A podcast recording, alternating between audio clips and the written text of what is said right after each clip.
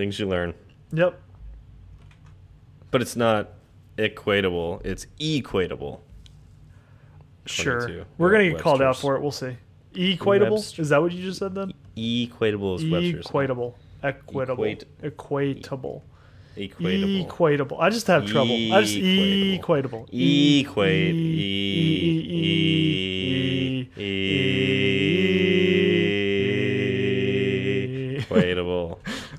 What's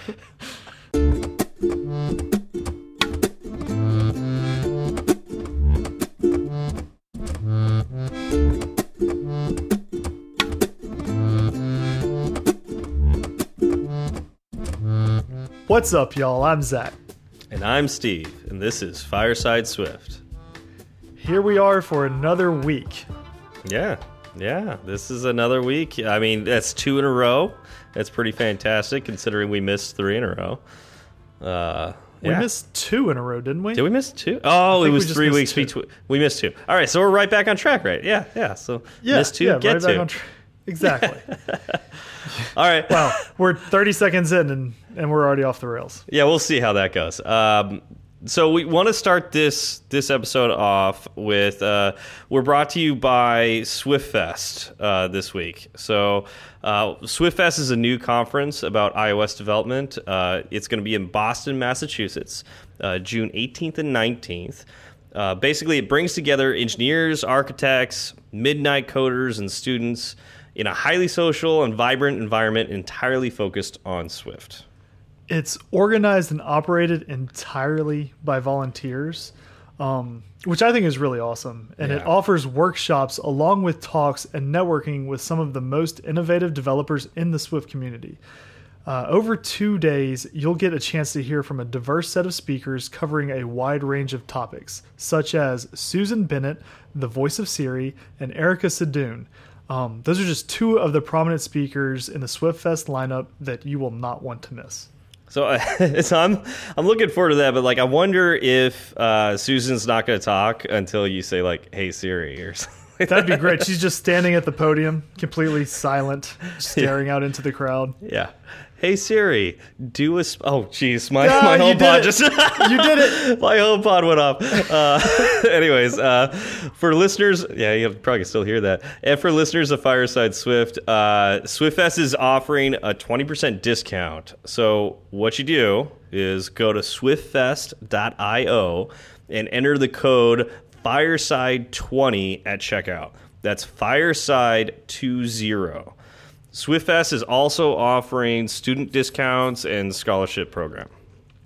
If you want to know more about, you know, the other speakers, um, some of the other topics, or find out more about that student discount, head over to swiftfest.io and don't forget to use the offer code Fireside20 at checkout to receive your 20% discount. Again, that is Fireside20.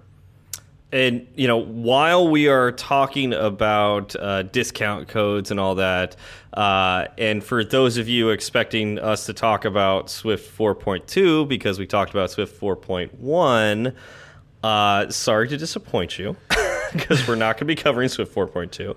But Uh, if you're least not this week. disappointed, it's good Yeah. for us because it means you actually thought we did a good job with 4.1. Exactly, and that would surprise me. But anyways, uh, you can go pick up a copy of that uh, Swift Coding Challenges book we talked about by Paul Hudson, um, and you can get that for actually half off. Um, yeah, so that uh, what's that? Sixty-four challenges. Yeah, 64 challenges, five categories, and one of the things I like the best about it is he breaks it up into three difficulty levels. So you start, you know, one of the five categories, and it starts off with kind of easier challenges, um, and it kind of lets you warm up to some of the more difficult ones. And something else that he says that I really liked uh, at the beginning of the book was, you know, I've labeled these as I can't remember the levels he uses. It's basically like easy, medium, hard, but he uses different terminology. Okay. And he says, "Don't get frustrated if something that I've labeled as easy is hard for you, or alternatively, you know, don't get ahead of yourself if I've labeled something as hard and you find it easy. It's just you know, people know how to do different things better than others, right?" Yeah. So kind of take it all with a grain of salt. But um, I bought that book and I loved it, and I reached out to him. We went back and forth, and uh, he offered us the, this discount code, which we will have a link in the show notes. Yeah, so that code is a little more complicated than uh, Fireside 20. Uh, so we're just going to have a link in the show notes for that. And just click on that link and it'll take you right to the page. Exactly. So, yeah. And so thanks speaking, both of them for yeah, giving us that. Exactly. And speaking of some of my favorite uh, British people,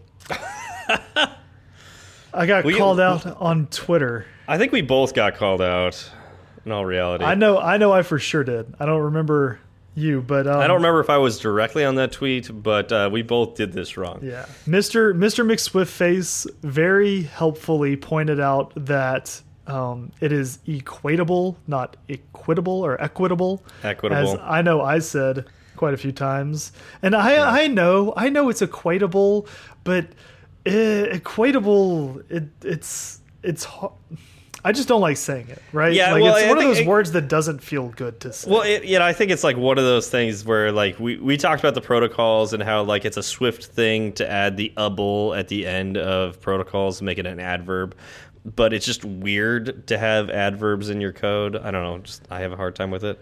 Um, so I, yeah. So if I see that, I, I, I want to read it as equitable for like equity or something like that. Um, but yeah, he's right. It's equatable. Yeah. Yes. So equate thank you. these things. thank you for pointing it out and we are we are uh you know chastised yeah, appropriately chastised. Um, Although I, I reserve the right to say that uh, he says a lot of words wrong, anyways. So you know, he we got to give him a win every so often. uh, that's true we kind of we wrap we gift wrap that one for him or, or do we GIF wrap it for him? Um, anyways, uh, how's uh, how's your dryer doing these days? the dryer is fixed and fully functioning That surprises me. But i okay. did not run i mean it kind of surprises me too um i didn't try running it with rocks and sand as some people suggested uh so i'm gonna i'm gonna keep it that way as long as it keeps drying i'm gonna keep running it All right, uh, you know, if you're not going to test yourself, that's that's on you. Um, i'm perfectly fine going untested uh, all right. in this this domain of my life All right, so let's uh, you know dive right into uh, what we're going to talk about today. How about that? Sure. Yeah, we're going to talk about generics. Yeah, I'm not talking about you know drugs. You, you go to the drugs. yeah, you go to I the mean, in a way, in a way, that does apply here, right? like, yes, yes, but let's not get ahead of ourselves. okay, all right. Uh, We're talking about generic types in Swift. okay, generic types. So, what does that mean? What does it mean to say something is a generic type? If I say an int, is an int a generic type? An int is not a generic type. An int, in fact, is a very specific type, um, notably an int. Okay, all right. Um, so, what's the definition of a generic? So, according to Apple, a generic code enables you to write flexible, reusable functions and types that work with any type subject to requirements you define. Interesting. Yeah. So it's it's it's funny that that is the definition of generic code because it feels very generic. Yeah, it feels very generic, or or uh, maybe too programmy speak. Uh, like like a lot of things that Apple says, like, like when they have their definitions, it tends to be like I don't know what they're saying, um, and that's that's why we have a show, right? Yeah, so- Exactly. And so what it, what it's basically saying is you write things, you write something like a function or you define a type um, in an abstract way. And because you get to write that function in an abstract way, you can kind of plug in your types into that abstractness. Yeah, yeah. So, uh, I mean, yeah, functions or even like containers, like collection types. Uh, you know, you want like let's say you have an array, right? An array. We talked about this last week. Um, an array can hold any type in it, and Exactly. it it does that by all of its uh, all of its methods are you know contain generics in them, and uh, so that's what this is. It's like it replace this generic type with whatever type you want. Like for instance, whatever you want to put in this array. I want to put ints in the array. That generic type you would replace the generic with int. So, uh, you know, let's kind of dive into this. What, makes them useful? So you know, say you have two arrays. We've been talking about arrays. You have an array of ints and an array of strings. Mm-hmm. You can call the same method on that array of ints that you can call on the array of strings, right? And the Yeah. method works with both of them. Yeah. You're Like, uh, not. okay, I go just, ahead. I just want to think of like what's what's one method you would call like uh, maybe count, right? Yes. Um, it looks like a property, but the reality is it's it's doing stuff under the hood and it's counting each of the objects in the array. Or dot contains. Yeah, yeah, and so uh, yeah, actually, contains is probably a better better one. I was I was trying to sneak it in there. Yeah, that's yeah, that's much better than count. Um, because with contains, uh, you're providing a specific object of a type, and uh, it's going to check the array to see if it contains that specific object.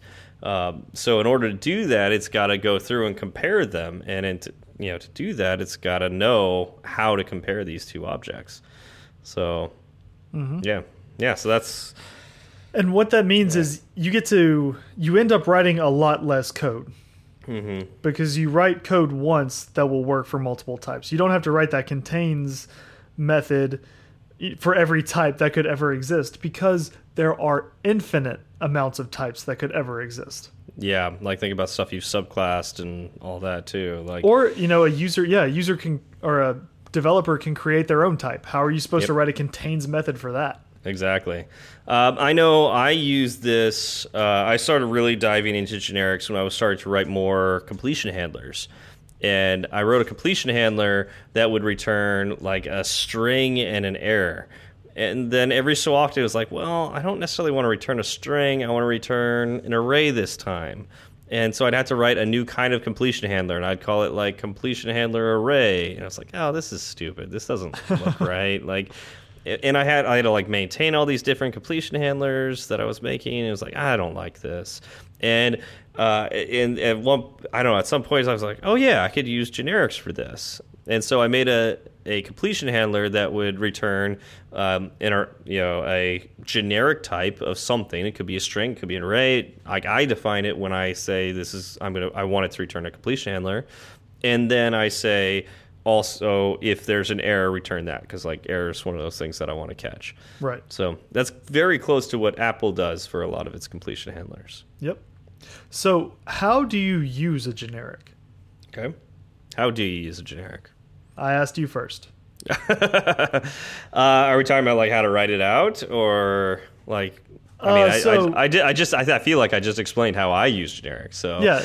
Well, in in general, so like the way I look at it, there's kind of two ways, right? There's the way you you've or most people use them, which is you know create an array of type int. You're using a generic. You just don't know you're using a generic. It's kind of all Yeah. done under the hood for you. You're Yep. you're a consumer of generics. yeah, that's a good point. That's a good way of looking at it. Yes. The second way is much more uh, intimate. Let's say intimate. I like that. And that is to create the functions that use generic parameters or return a generic yourself. Yeah. Yeah, so uh, uh, and so that's there's an interesting way to do that.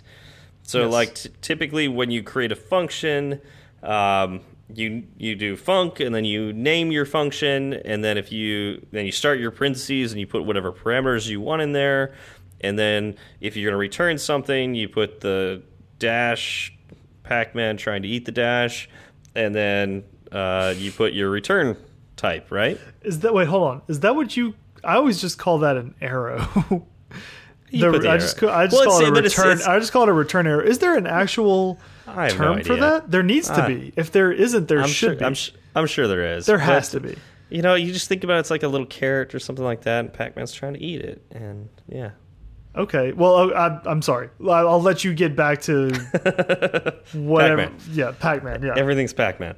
Um, yeah, so then you have your return value on the other side of that. Um, if you're going to do a generic, um, this is when you get two Pac-Mans. Now they're going to eat the thing. This is going to make it so much more confusing.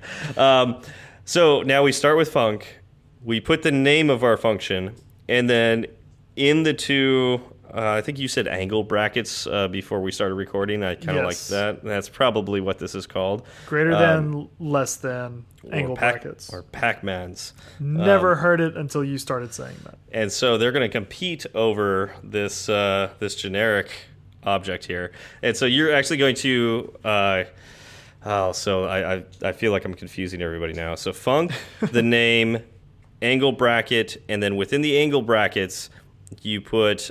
Uh, usually a T is what I've seen. Is that what you've seen, Zach? I, I generally see a capital T.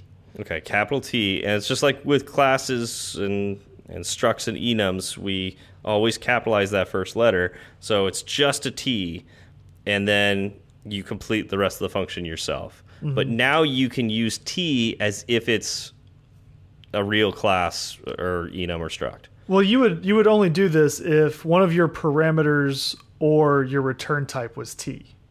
Well, if or you want to use it inside the Oh, function. true, true. So, like for the scope of that function, T is now a real uh, type. yes. So, and I, I'm guessing that's why it's T for type. I'm gonna guess. Um, but uh, yeah, there you go. So like that's that's how you create a generic, and then now you could just like use T throughout, and then when you call that function, you do the same kind of thing.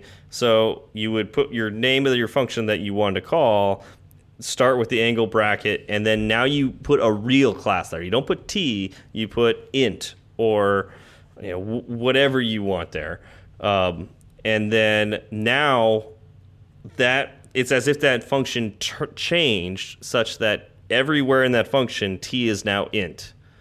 Correct. And so you just need to remember that T needs to stay uniform throughout the function that you're writing. That's where things can get really confusing. Yes. Um, because T doesn't impose any rules on the function itself. It doesn't say the T is of a certain type. In fact, T can be anything at all. Yeah, so that's that's where things get interesting, and um, yeah, again, you got to be careful with that. Um, and we'll, I guess we'll talk we'll talk about more what you can be careful with. But one of the things while we're on how to construct this, you could also have more than one generic type in a function. You just separate it by commas. Correct. So, and that's only in those angle brackets. So within the two Pac-Mans, um, you're going to put you're going to put T comma, and I think I've seen U as the usually the second one. Yep. Um, so T comma U comma V comma X comma Z comma whatever, and it doesn't have to be one letter. You could actually say, you know, literally capital T. Um, I don't know. Is type Well- a reserved word? I think Well, think think about reserved. this. Think about dictionaries. You know, in the angle brackets, you have key and value. Yeah, that's true. And those two uh, words denote, those two words are type uh, parameters. Doesn't the first one have to be hashable though? It has to be hashable. This would be just a Um, subclass of hashable. Yes. So I don't know if that's really a generic there, but the second one is. Um, Yeah, you're Yeah. right, because it does impose a rule on the function, doesn't it? yeah. Hmm. Well, uh, that might actually be generic. Now I'm thinking about this because I'm thinking about when you, how you're creating. Yeah, it is. You're right. It is, but it's it's a generic with a where clause, and we'll talk about that later. It's got to be. I. Oh, I mean, yeah, didn't you're look, right. I didn't look deeply into how uh, Swift truly constructs uh, dictionaries, but essentially there there is a rule on that first generic object. It has to be hashable. Um, so we'll we'll talk about that later. Um, getting ahead of myself. Yeah, um, so what's what's what do we talk about next? Basically, when you see angle brackets defined anywhere, just know that you're working with generics in Swift. Yeah, unless you're actually comparing greater than or less than. I think in every other case, this is generic world, right? Generic I'm land. pretty, I'm pretty sure. Yeah, we are living in generic world. Hmm, okay, cool. It's like Westworld, but for generics. It sounds more vague. it's, yeah, well, it sounds more like gray. I mean, I, when I think about Westworld, it's kind of like uh, it tends to be very brownish and all that. So generic world, I mean, I would think more grays instead of browns. Right? And the the inhabitants of generic world can just be uh, swapped out with each other. oh yeah, you've seen no, a, Yeah, you don't recognize their faces. Like any one person could be another person. They don't have personalities. Yeah, exactly. That's Yeah. that's generic world. It sounds awful. It sounds So like the worst theme park ever. Kind of sounds like uh, the Truman Show. You know how like all the the characters that were not Truman were kind of bland. You know. That's true. Yeah. yeah. Yeah, that's so it's- exactly it. We've al we Show. already have a movie covering generic world. It's the Truman Show. Yeah, there we go. That's what made Truman stand out. It's true. He was the type that they used in generic world. Everything Oh. conformed. Everything conformed to him. This actually works. You know what? I, at first, I was going to stop you, but yeah, that's actually true. It, you made it work. I'm Yeah. impressed. Yeah. I'm And- very impressed. And probably after that, they replaced the Truman Show with uh, you know the Stanley Show, and then they had a Stanley in there, and everything conformed to Stanley. Right. So- It, it revolves around you know what you put in it. Yeah, it makes sense. That that does make sense. I kind of hate that you made that point now. That's what I'm here for. I'm I'm disgusted. Yeah, good. I feel like uh, I'm pretty good at doing that to you today. So. Uh, That's very true. All right, so what, what else do we got with uh, generics? What else can we do with them? Um, so you can define your own generic types, Okay. right? Um, so something like an array or dictionary, you know, those those are both generic types. If you wanted to define your own, it's much like defining a generic function. Um, so say you wanted a generic struct. Okay. Um, so you have the keyword struct followed by the name that you want uh, for that struct, and then again you have your angle brackets, and inside those angle brackets you can have generally what I see is element Okay. because um, within that struct um, implementation you, you're usually dealing with elements of a thing, like elements of an array, elements of a dictionary. okay. Um, but you could, I think you can make that that key, or you can make that word anything you want, and as long as you are again uniform with it throughout the definition of that struct, you're good to go. Well, and the, the the example that you have in our notes, I think, is actually really good. Um, may help illustrate the issue here, or you know, the the concept.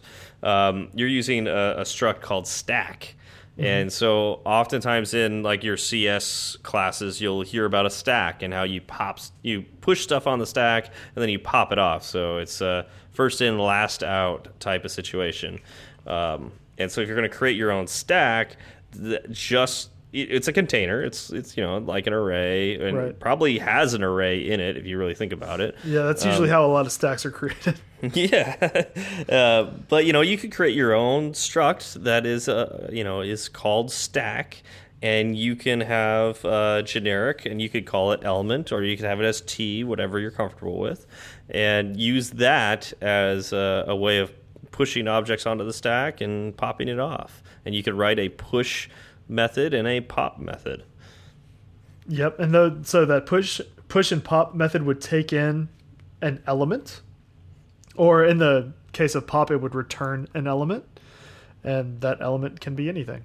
Yeah, It would just add it or take it off uh, or away from that array. Yeah, and if you're working with stacks a lot, that could be really powerful for you. Just to create a really simple stack object that you have in all your programs. Exactly. Um, so now we get to the point where uh, we cover the dictionary's key, and that's type constraints. It's a lot Yeah. like conditional conformance, which we covered in last episode in Swift 4.1. Um, a type constraint specifies that a type parameter must inherit inherit from a specific class or conform to a particular protocol or protocol composition, such as in the case of you know the dictionary's key. Yeah. the dictionary's key must conform to the hashable protocol. Yeah, it's got to be hashable, and I, that's something that I, I've, I've noticed a lot when you're creating a dictionary that it has to be hashable for that first key. So, yeah, uh, and the way that's done is with this uh, what's it called? Uh, type constraints. Type constraints. Yeah. Yep. And so you'll write a type constraint by placing a, uh single class or protocol constraint after a type's parameter name. Um, think of it, you know, when you want to have a struct that conforms to a protocol. You know, you have the Yeah. uh, colon and then your protocol name. Yeah. it's the the same kind of idea except now you know you're working inside those angle brackets like we talked about so you've got your t colon some protocol some class Yeah, so this should look really familiar, um, you know, because we're always uh, in our functions when we're putting our parameters in. We name the parameter, and then we put a colon, and then we put whatever type that parameter is. This is almost the same thing, uh, and it's, it's it's probably closer related to like when you create a class, a struct, or an enum at the top. Uh, you put a colon, and then you put whatever it inherits. Um, inherits from, right? Am I saying that right? yeah Inherits no, no from? you, yes Okay. if it's a if it's a class it'll inherit from it'll it. if it's a protocol it'll conform to it conform to. Yeah, thank you. And so, like, th this is basically saying that same thing. You're going to conform to a particular uh, uh, class or protocol. Now, what I don't know is, uh, so say you wanted to write a dictionary, but that first that key isn't ha isn't isn't hashable. Does um, Xcode just throw an error saying it doesn't conform to hashable? Yes.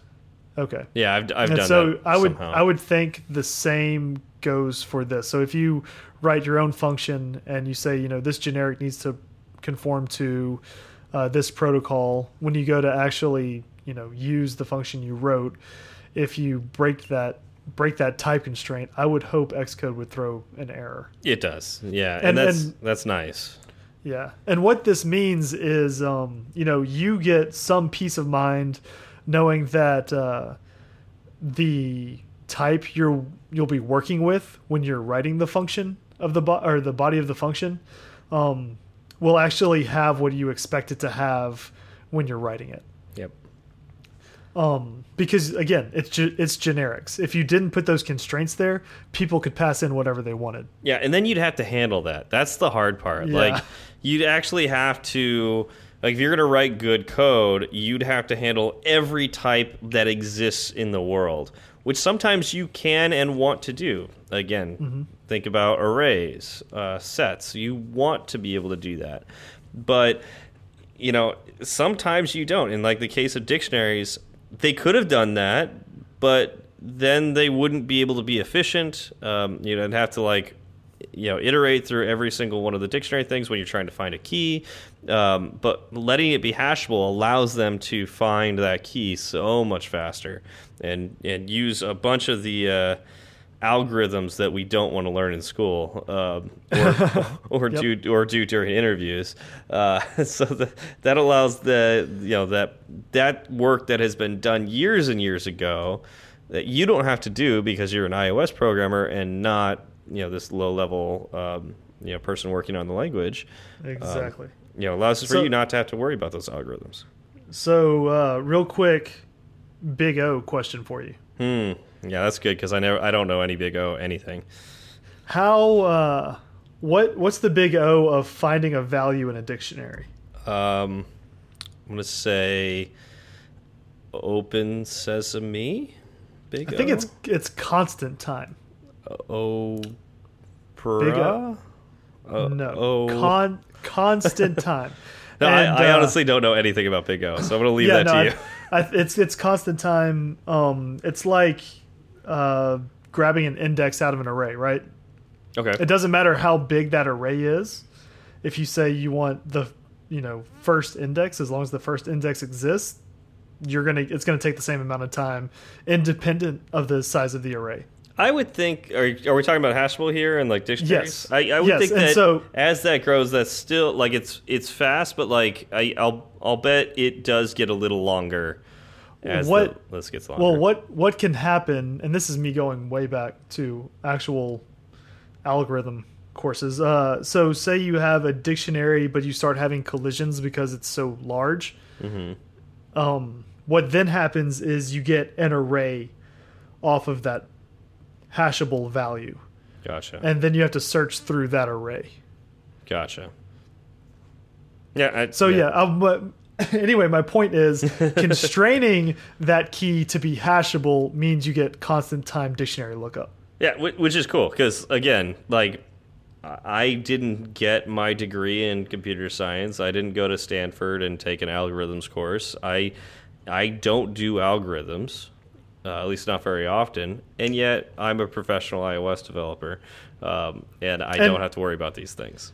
And to be very, very fair, that the knowledge, you know, that I just spoke of. Yeah, you drop you that knowledge that- bomb that, you just dropped that knowledge bomb. I just I see. I started to say that, and then I pulled back real fast.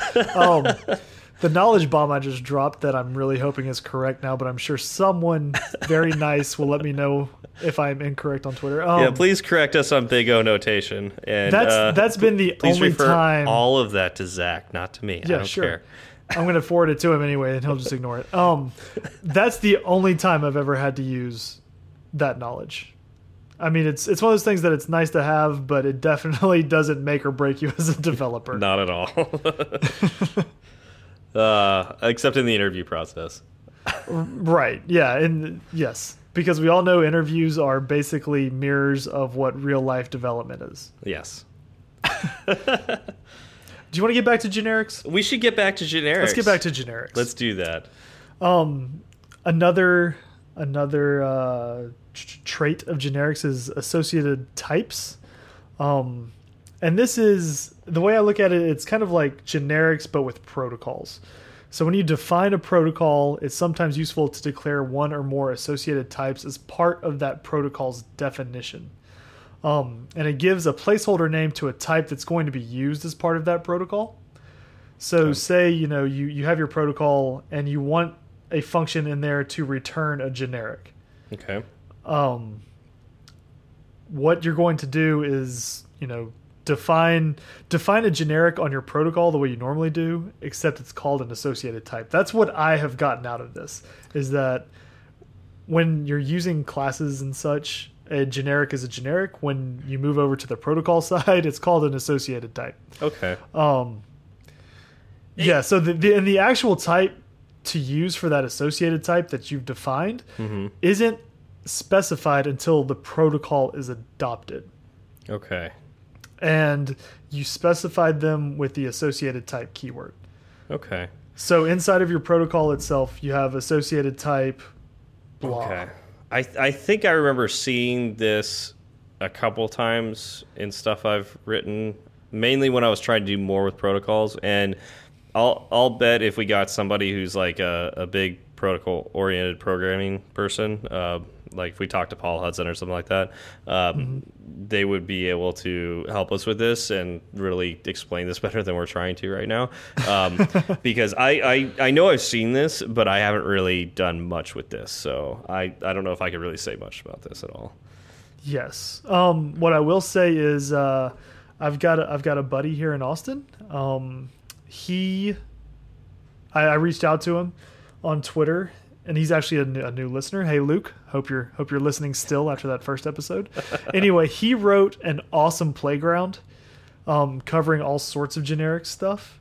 like literally, it is Nice. 222 lines long Wow. this guy I, i'm very impressed um, it's basically a blog in playground form i'm going to try to upload that to our fireside swift github account Cool. so anybody that wants to can go download it and i'm trying to actually talk him into writing this up as a blog post for us for the blog Awesome. That'd be great. so everybody let's let's put a lot of pressure on luke Yeah. um, you know If give him a warm welcome Yeah, if you know this is Luke, just just constant threats and and uh, you know uh, you know tons of pressure. Just just give him all pressure. Yeah, that that usually works yeah, that'll that always works. Yeah. All right, we have one more um, topic to cover with generics. It's generic where clauses. Yeah, and so I, take that? I'm going to say I already misspoke earlier when I, I said that dictionaries uh, adhere adhere yeah, adhere adhered no adhere whatever whatever I said um, to the where clause because it's actually uh, what we were just talking about um, with uh, uh, what's that called the type constraints. So I was about to say all you have to do is scroll up in the I know notes. I know I was I was You- scrolling it wasn't in bold. Um, So you remembered seeing that in the notes, you just didn't remember where. Yeah, man, I'm tired. I worked all weekend. so uh, it doesn't adhere to uh, or dictionaries, at least that first key, does not ad adhere to the where clause. It adheres to uh, type constraints. Um, but you can have there is something called a where clause, and what is that, Zach? So it's used to define requirements for associated types. So again, we're in protocols because Okay. we're talking associated types. Um, so it enables you to require that an associated type must conform to a certain protocol or certain type parameters, and associated types must be the same. So to me, this sounds like a lot like type constraints for generics. Okay, but I, I is, doesn't it go like further it, than that? it does go no, it does go deeper. I'm saying Okay. on the surface, On the it, surface, it okay. sounds like it's the same idea. Okay. So a generic where clause will start with the where keyword, followed by the constraints for the associated types. Um, and you can write it. Uh, so you write a generic where clause right before the opening curly brace of a type or function's body, which So this is, Is- after the return type, right? yes. Okay. After Yeah. the So return after type. the return type, before the curly brace, I'm gonna. So I read that. I'm gonna let you parse it. Go. go. Okay. Go. Um, all right. So you think about it as like a, a logical thing, like uh, what, what's that called? Um, yeah, just like a logic statement, like an if statement. Uh, Yep. And, whatnot. Um, so you're going to write your function out as you would normally write, but now we've got some sort of generics in our function. And then after the return type, if we have one, you literally type the word where, and then between the where and the curly brace, now you put all your logic that has to do with those generics. So if you've got multiple generics like uh, T and U, you can say where, um, oh geez, uh, where T is less than U or something like that. Um, and maybe that's wrong, but uh, you, you put you put stuff in there like you yeah all, all sorts of weird logic that you want to put, and it it makes it so like when you describe your generics, uh, you have some constraints that you have to describe that you have to adhere to, and if you don't, you'll get a precompile error. Does that sound right?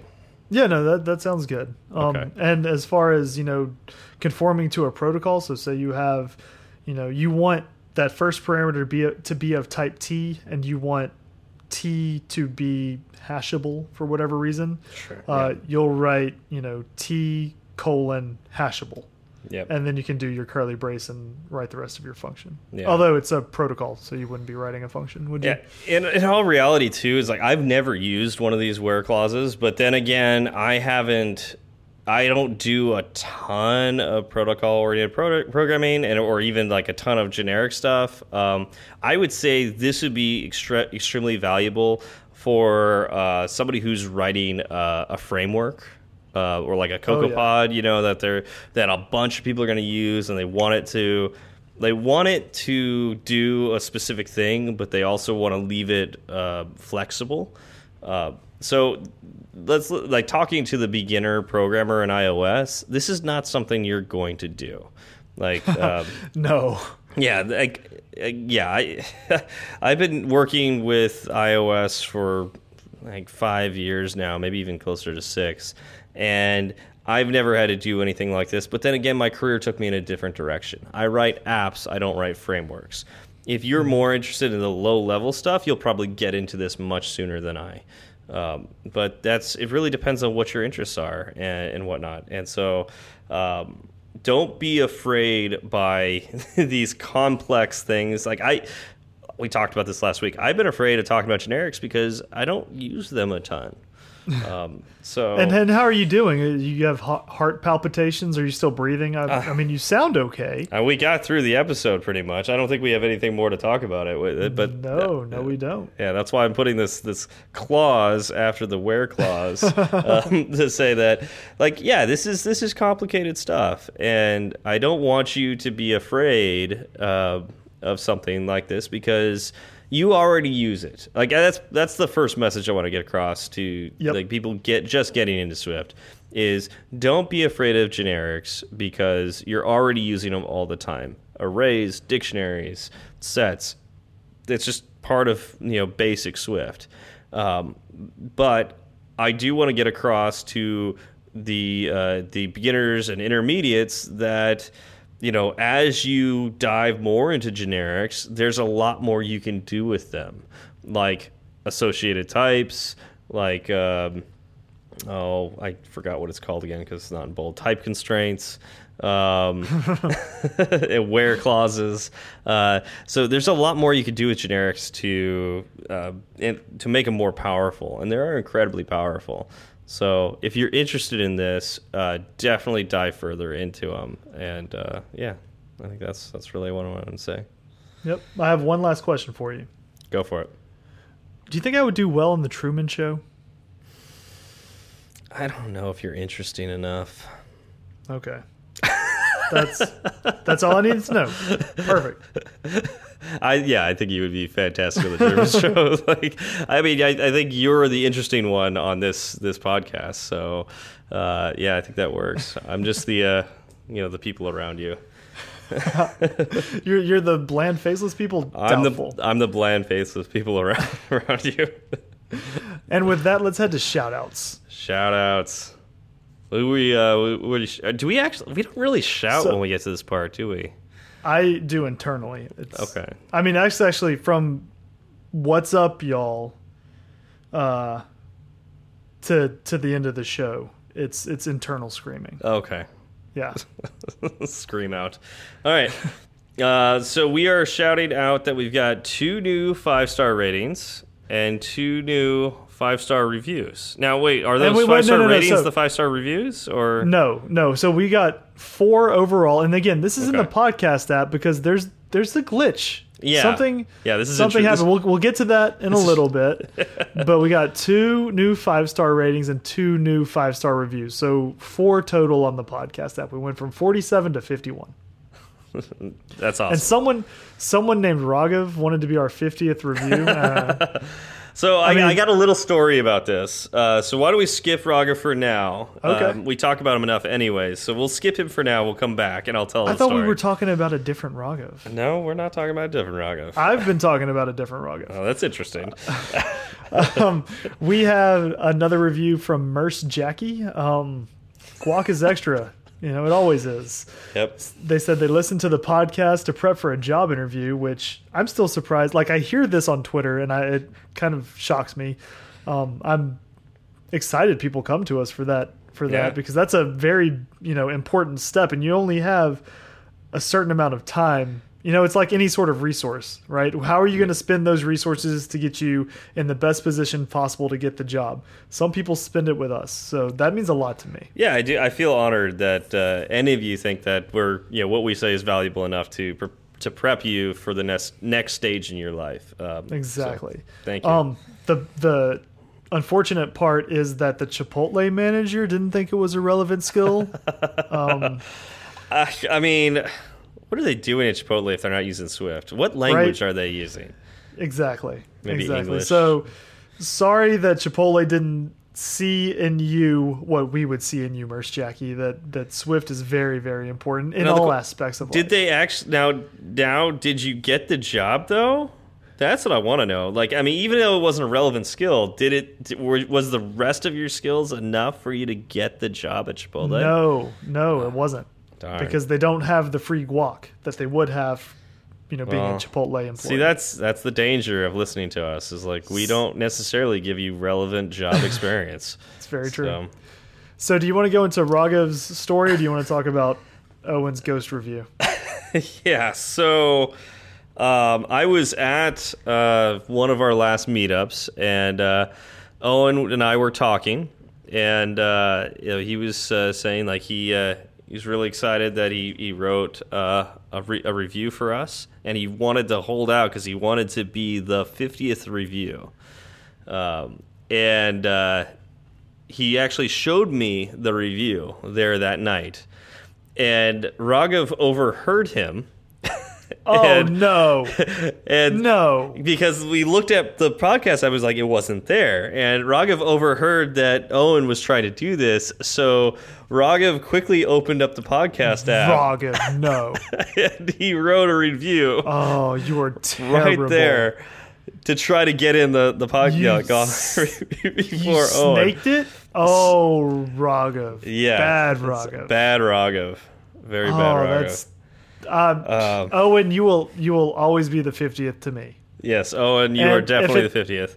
And if it never shows up in the podcast app, you can always just be the hundredth. Yeah, so this is really interesting that it's still not there. Uh, I know it's strange. you can see it on the the what is it the in the store on the was it the Mac? Where Like, where did I- he send that picture from? I think through like if you go just straight to. Uh, oh, I actually, I don't know where that was. Was that on Safari or I don't That's know. what I'm. I don't know. I don't know, but somehow he was able to take a screenshot on either uh, iTunes or like the the Mac app or on Safari and found his review. So it's there, but it's not showing up in the podcast app. So I don't know why. That's really Yeah, weird. I don't Very know. weird. So Um, thank you. Also, th so thank you, Owen, for doing that. And I'm sorry that it didn't, you know, show up.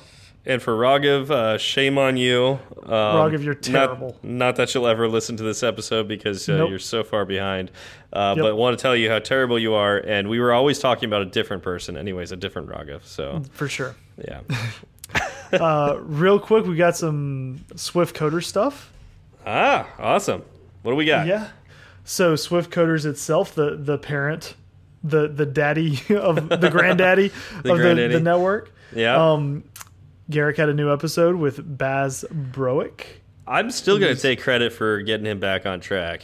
I think you should. I think yeah. you should. Yeah. Um, well, it's, it's us, you know, you and I. Like, we got him back on track. Yeah, but you're the one who sees him more often, so you're the one who can actually push him to do it. So I like that. Just like, you know, all if I can if I can start roping some of these Austin guys in, then I'll be able to exert that kind of pressure. Yeah. But right now I am posseless. Are you? Uh, do we count having all of Texas? You like? Are you? Were you what got Steven back on track? No. I don't think so. I don't You think could- so. See, could because you know why? Because Texas guys are dependable. We don't need any pushing. We just know what we need to What do do. you mean? He was it. he was off air for like a month. he had longer. a kid. Yeah, that's no excuse. It's it is. Believe me, it is. Uh, and which brings us to our next point that uh, the Learn Swift episode or Learn Swift podcast is back with new episodes. Um, Steven Sherry actually gives us an update with the on what the past few months have held for him. Yeah, yeah. So go ahead and listen to that. Uh, you can hear about what's going on in his life and how he's doing with his career. And uh, something that came out Saturday, uh, the Swiftcraft podcast. Yeah, There's a new a new episode? episode. Oh, new episode, Codable with Yariv. Oh, that's right. I knew that. Yeah, Oh, So- okay. So you've yeah. been holding out on us. Okay. yeah. And I totally forgot about it. So thank you for Wow. bringing that up. Wow. So as far as Fireside Swift stuff goes, no new blog article this week. Possibly, I don't know. It depends on if I can get Luke to turn this playground into one. I will say that we should at least have this playground that he sent up on our GitHub, and hopefully have a link in the show notes for it because the work he did needs to be seen. Yes. And I know I'm working on my blog post, but I'm working very slowly.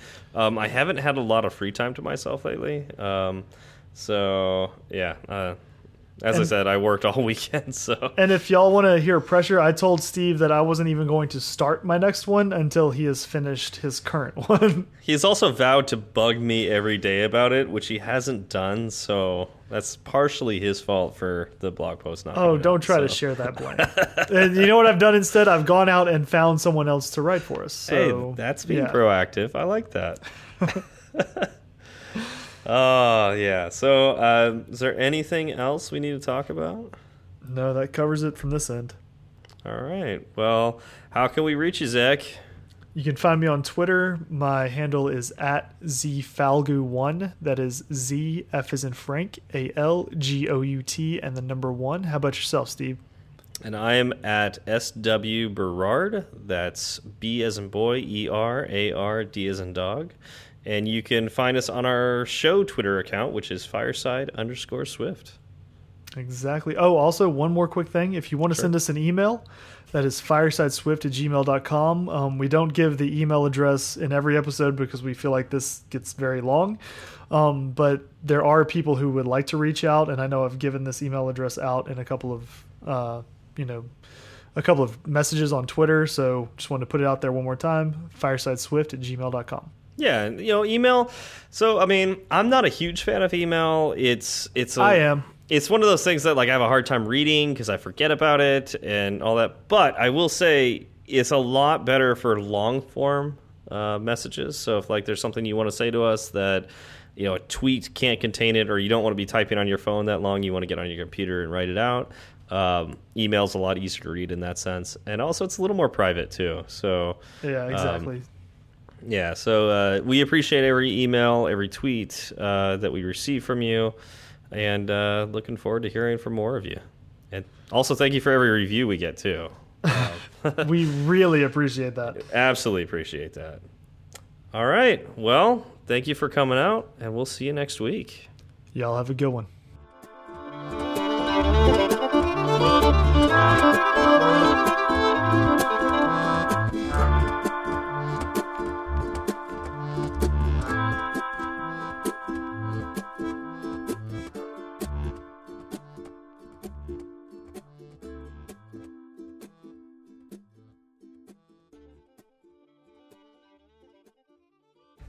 We didn't talk about the cruise. We Oh. could talk about that. We could talk about the ska festival I went to a week later that I shouldn't have gone to, but it was Mm-hmm. awesome. And then we could also talk about Were the mighty mighty Bosstones there?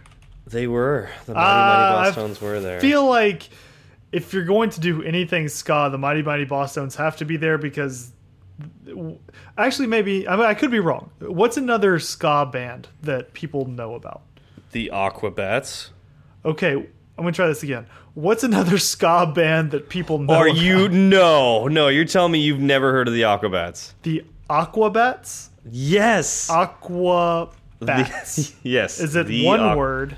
The Aquabats. Aquabats. Let's let's do. Oh, I am. Go to I am the not looking at this anymore. I am on some list now. the Aquabats. Um, I think there's a good reason I haven't heard of them before. No, Uh, you you have children. You've actually should have heard of the Aquabats. No, no. Yes, There's yes, there's a level yes. of quality that even No, no, these guys have children. quality. Uh, what is the show that they made? So there's the Aquabats sh Super Show. That's a kid show. But there's another show that they made. uh, what is- thank you for telling me Oh, Yo- about the Yo- Aquabats. Yo Gabba Gabba. Yeah, no, not played in this house. Yeah, they made that show. Well, I am very happy that we have Yeah. never watched one second of Yo Have you- Gabba Gabba. Have you ever heard of Blink 182? Yes. Yeah, so I feel like Travis, I'm walking into something now. Yeah. don't, don't do that to me. no, I have not heard of this band, Blink 182. Do you have to blink that many times to listen to them? oh, so you know Travis Barker, the know, uh, the drummer. Yes. Um, he was an Aquabat. Um, Yeah. He was an Aquabat before Blink. Uh, So, his- so you're what you're telling me. What I'm hearing is that at no He was- time did he that was was he ever Baron? a member of both. he was Baron von Tito. Um, That was his name in the Aquabats. is it? It's not surprising he went with Travis Barker when he moved to like an actual band. Well, I mean, actually, they're two different people. Like Baron von Tito is in the Aquabats, and Travis Barker knows him, and will talk to him about doing stuff with the Aquabats from time to time. But um, yeah, when uh, Travis Barker joined, uh, and, well, actually started, you know, Blink One Eighty Two, um, Baron von Tito disappeared, and uh, you know, disappeared for many years. I have so many questions right now.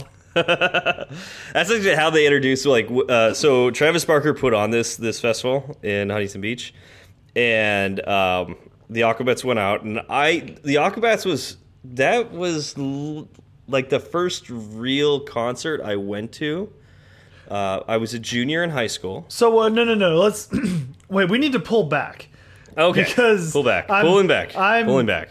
losing my mind. So the uh, is this is hmm, is this a band for adults?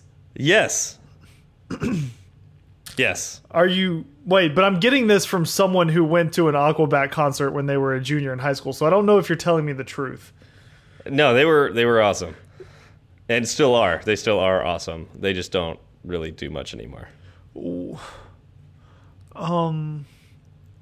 So okay, I- so so I had heard Huh?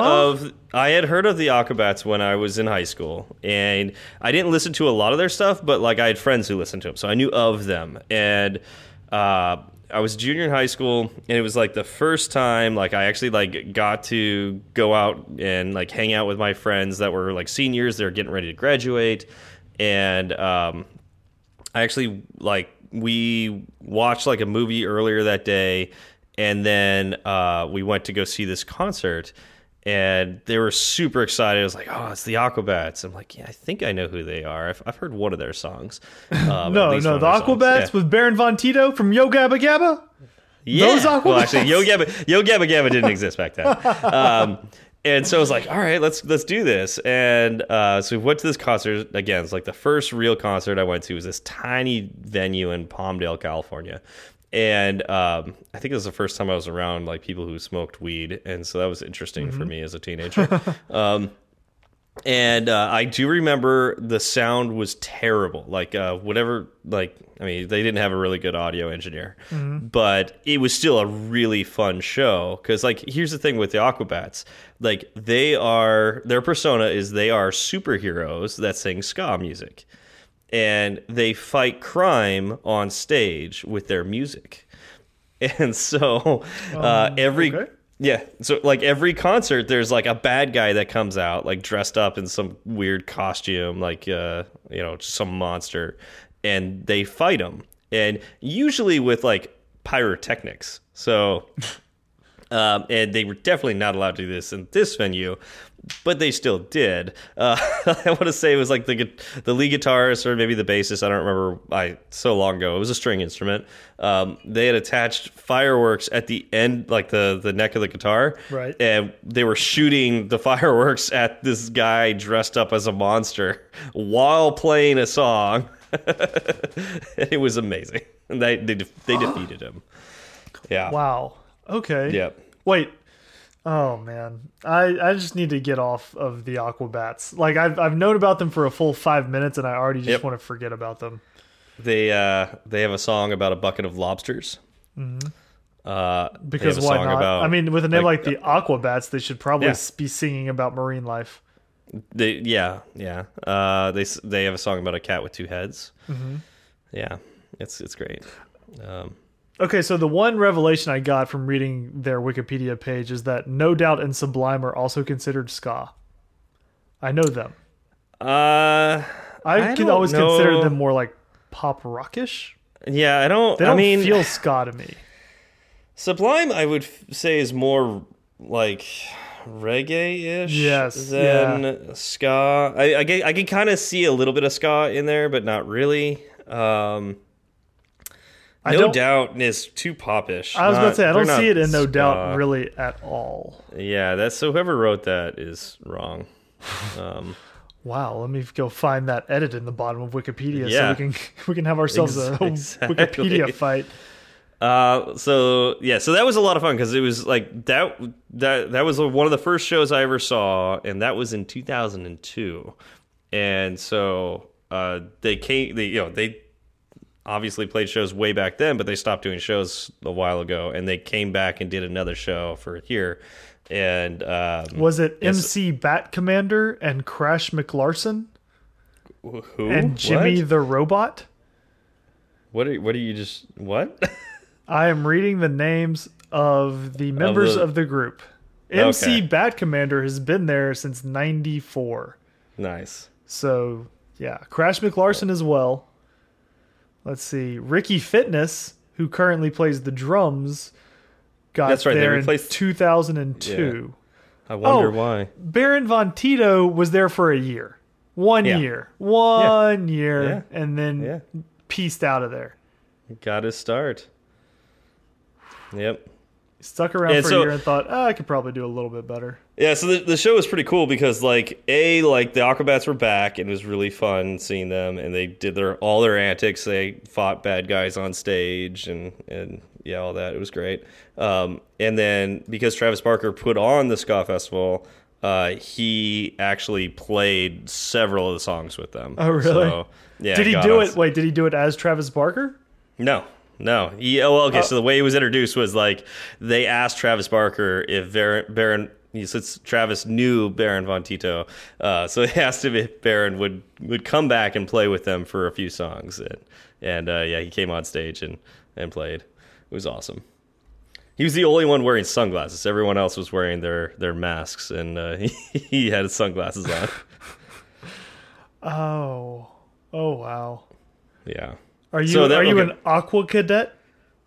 Yes, I would say I'm an aqua cadet. Wait, that's a member of the official fan club. We can't have you. We can't have you lying about these types of guess I- official matters. Are Yeah, you? Are you? Wait, are you a I guess wanna, offi- you're, official, a, I'm an unofficial. you're a wannabe Aqua Cadet. yes, I'm a wannabe. You Yeah, haven't I'll attained rank of Yeah. Aqua Cadet yet. yeah. I mean, Uh, of course not. You didn't even know who Crash McLarson is, correct, and he's been there the entire time. Yeah, well, yeah.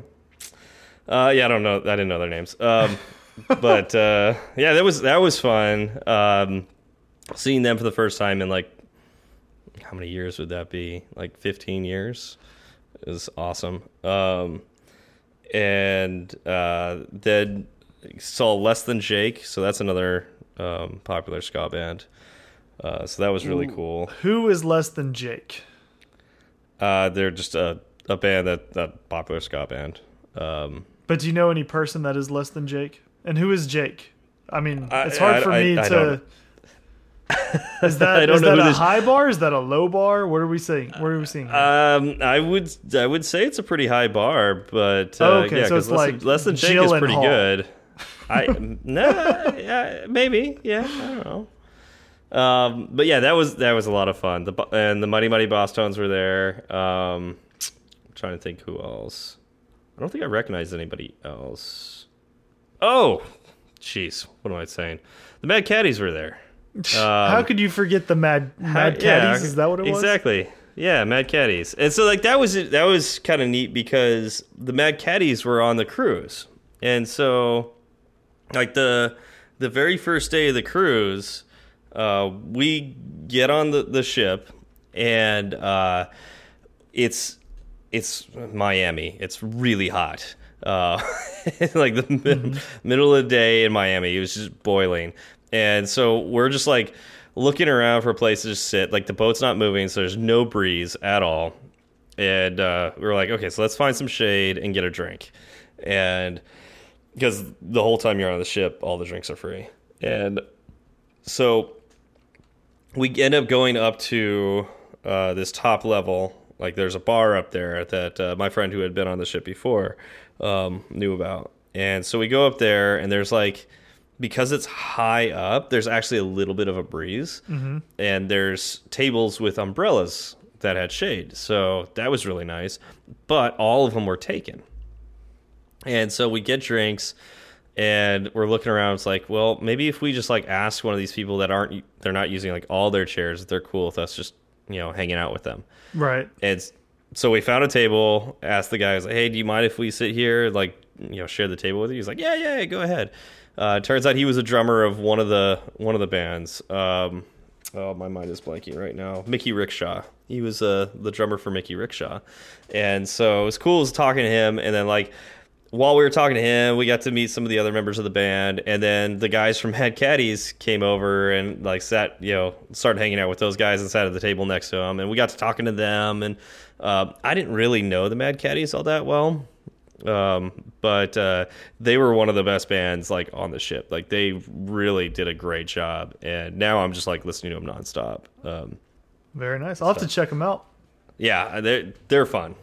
Because I don't dislike ska music, but I don't think the Aquabats are for me. Oh, you just you just haven't listened to them. I will. Like, I will. Okay, I will give you.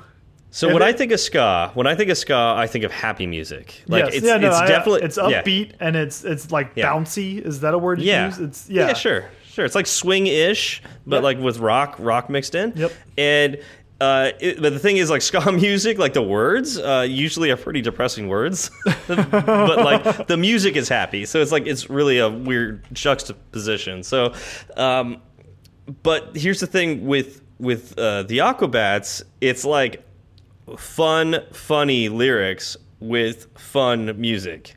So it's like it's good all around. Like it's Yep. it's like ha really happy music. Uh, so I, that's what's so great about the Aquabats. Okay, It'll just I'll- make, it'll make you laugh. I I may.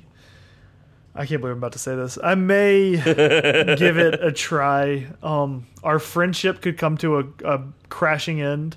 It could. um, or you could And- introduce me into something that I have you know never considered. So I'm always open to Yeah. new experiences, even even being just on the surface dead set against it. Uh, you know what? I I trust you.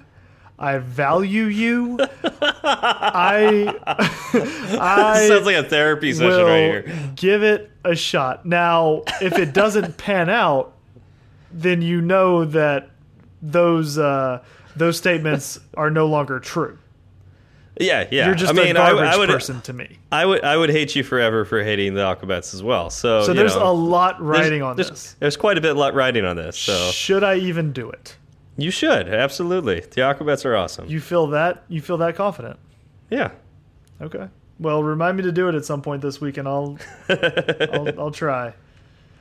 If there if there is no episode 37 of Swift of uh, You'll know- Fireside yeah, Swift, we'll know why. We'll we'll know why. because Baron von Tito didn't quite pull through. yeah.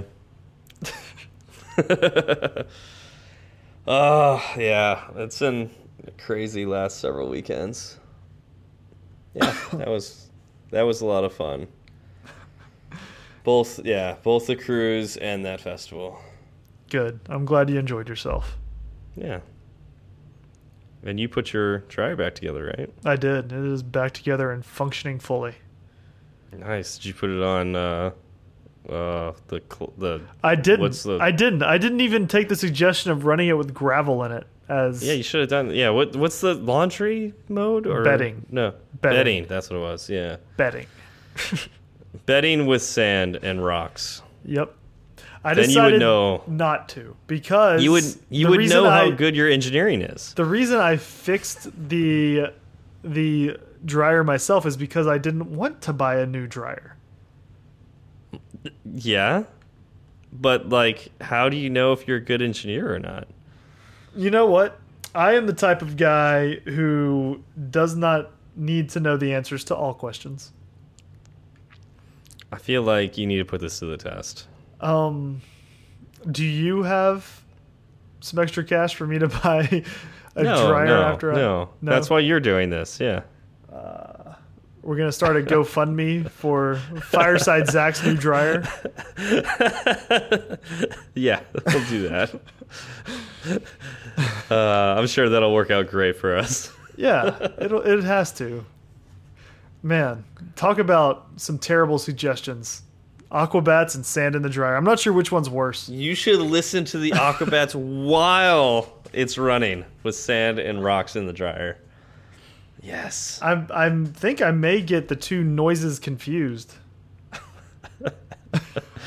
Quite possibly. no, they're quality music. They're good. They're good.